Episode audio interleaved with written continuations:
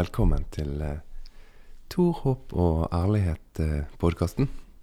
Jeg snakker litt stille. Det er tidlig morgen, og resten av huset sover. Jeg har en liten eh, turnépause, og må dele en tanke med deg.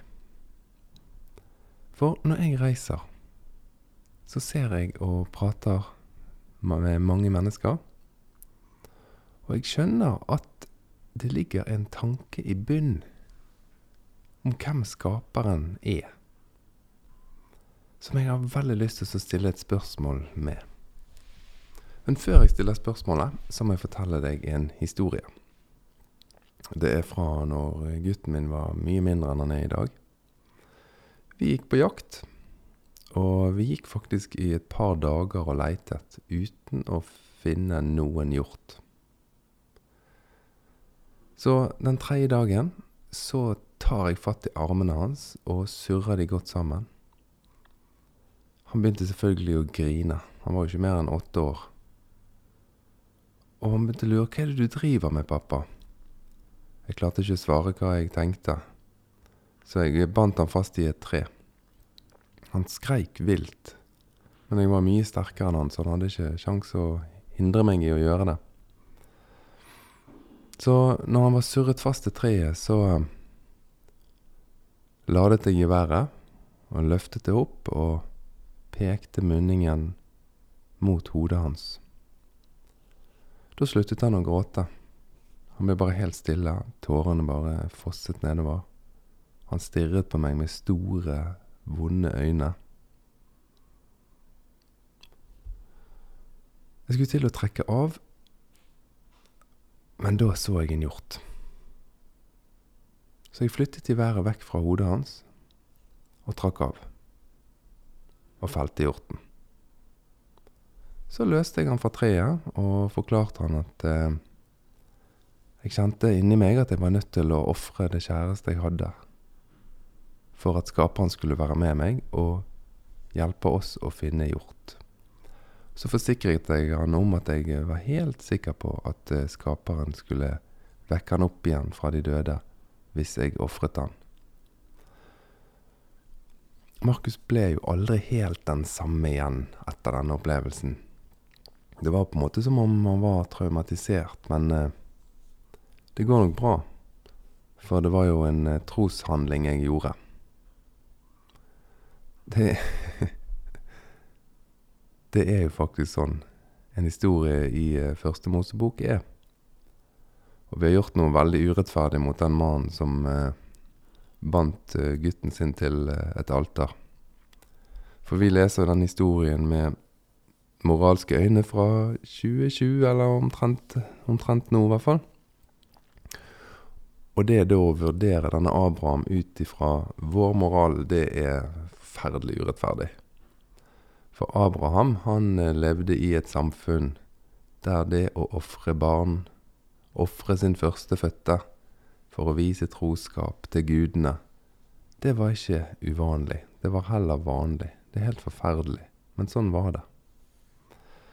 Så en historie, muntlig historie som har blitt overlevert gjennom tusener av år, helt fra bronsealdertid, den har dessverre blitt brukt hele veien som et tegn på at skaperen kan be oss om helt forferdelige ting bare for at vi skal vise vår overgivelse. Men denne historien er jo egentlig en historie som sier det at uh, det var noen som skjønte at vårt opphav må være helt vidunderlig kjærlig. Og det å ofre barn, det er noe skaperen ikke ønsker. Hvis du leser litt videre i samme bok, så kommer du til en annen sånn offersituasjon der Abraham skal inngå en pakt.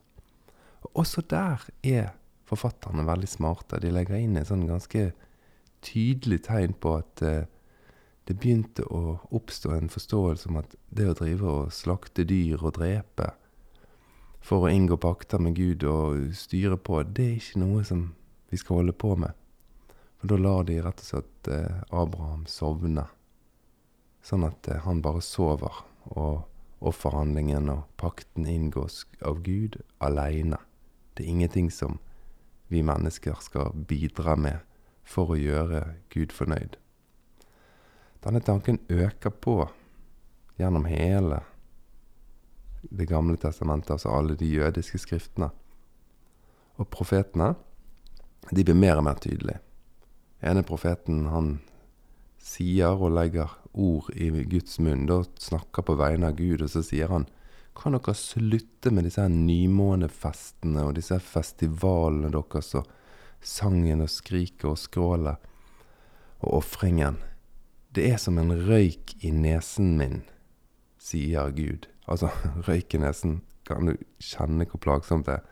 Når det bare, du sitter rundt bålet, og så er veden litt våt, og så vender vinden seg mot deg, og så får du røyk opp i nesen. Det er vanvittig irriterende. Veldig ekkelt. Utrolig ubehagelig.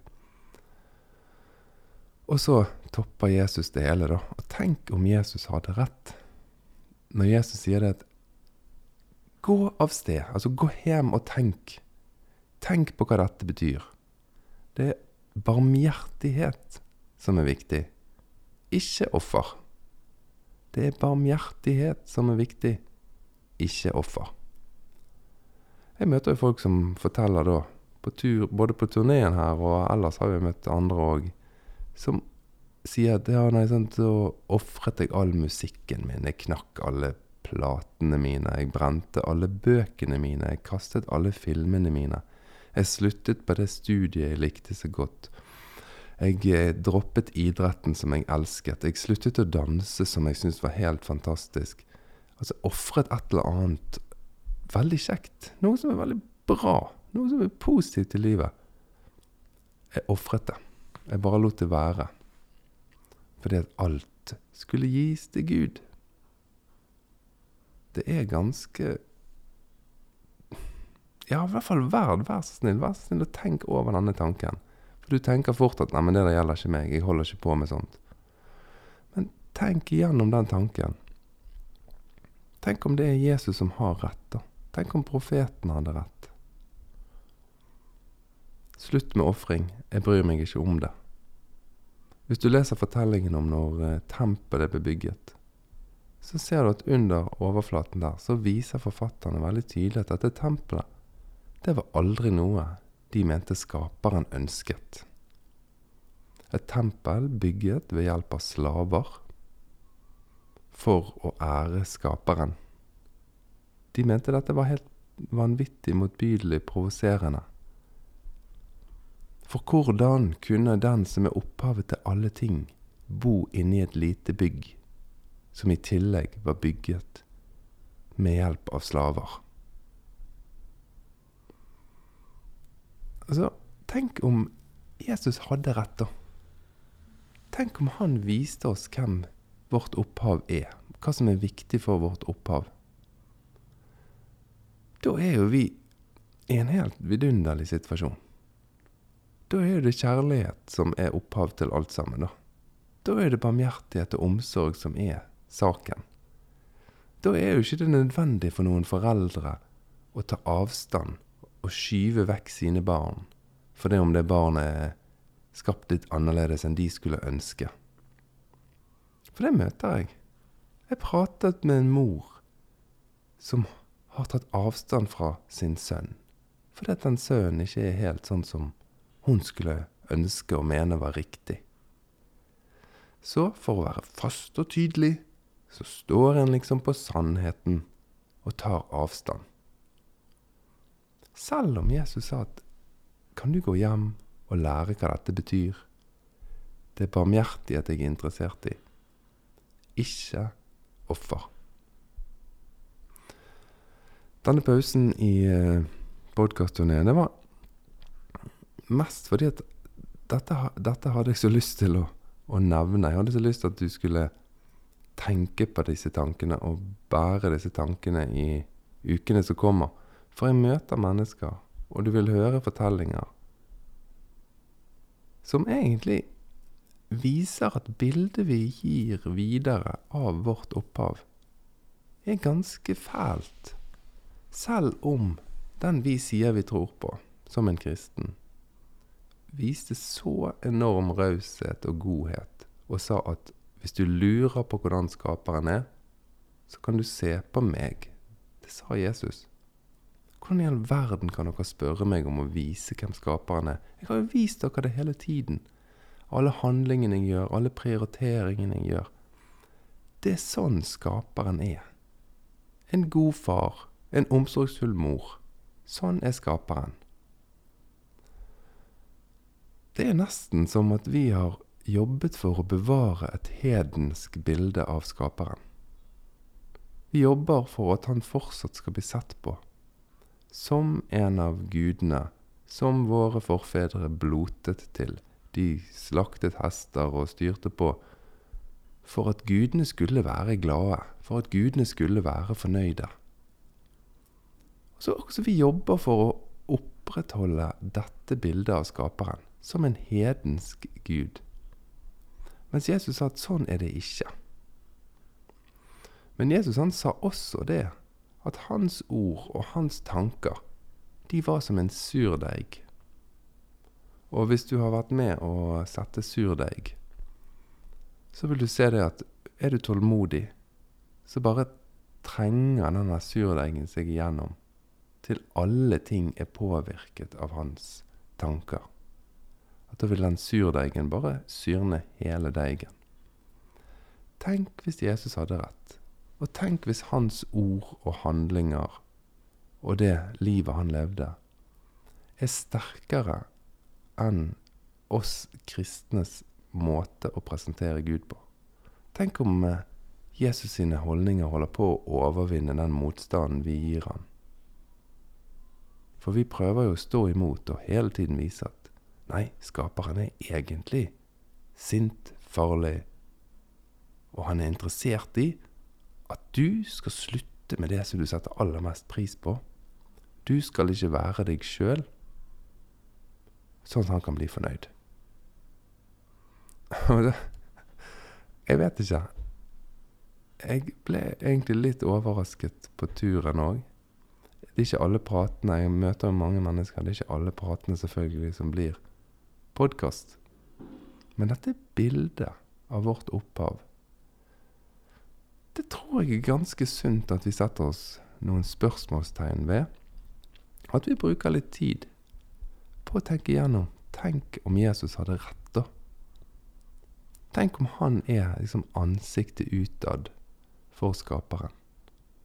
Ja, da lever jo vi i et vidunderlig univers. Da har jo vi kjærlighet som opphav. Vår skaper, vårt opphav, er da kjærlighet tvers igjennom. Og det er barmhjertighet som er interessant, ikke offer. Tusen takk for at du hører på Tore Håp og ærlighet. Jeg syns det er så utrolig gøy at det er så mange som har trykket liker og følger, og at det er så mange som laster ned denne podkasten. Jeg er veldig åpen for innspill og tilbakemeldinger. Fortsett å sende på Messenger, og veldig gøy om du legger igjen en kommentar på Tor Håp og ærlighet Facebook-siden. Eh, jeg forstår det at eh, dette er emner som en kanskje har lyst til å bare ha for seg sjøl og tenke på og snakke med nære venner om. Det er helt i orden. Men det er i hvert fall åpent for eh, kommentarer på Tor Håp og ærlighet. For deg som ikke har trykket abonner, trykk abonner. Så får du et lite rødt tall som en reminder inne i podkastappen når det kom til ny episode. Hver fredag morgen klokken syv. Og du, hvis du leser starten, boken min, så vil du få et innblikk i Første Mosebok.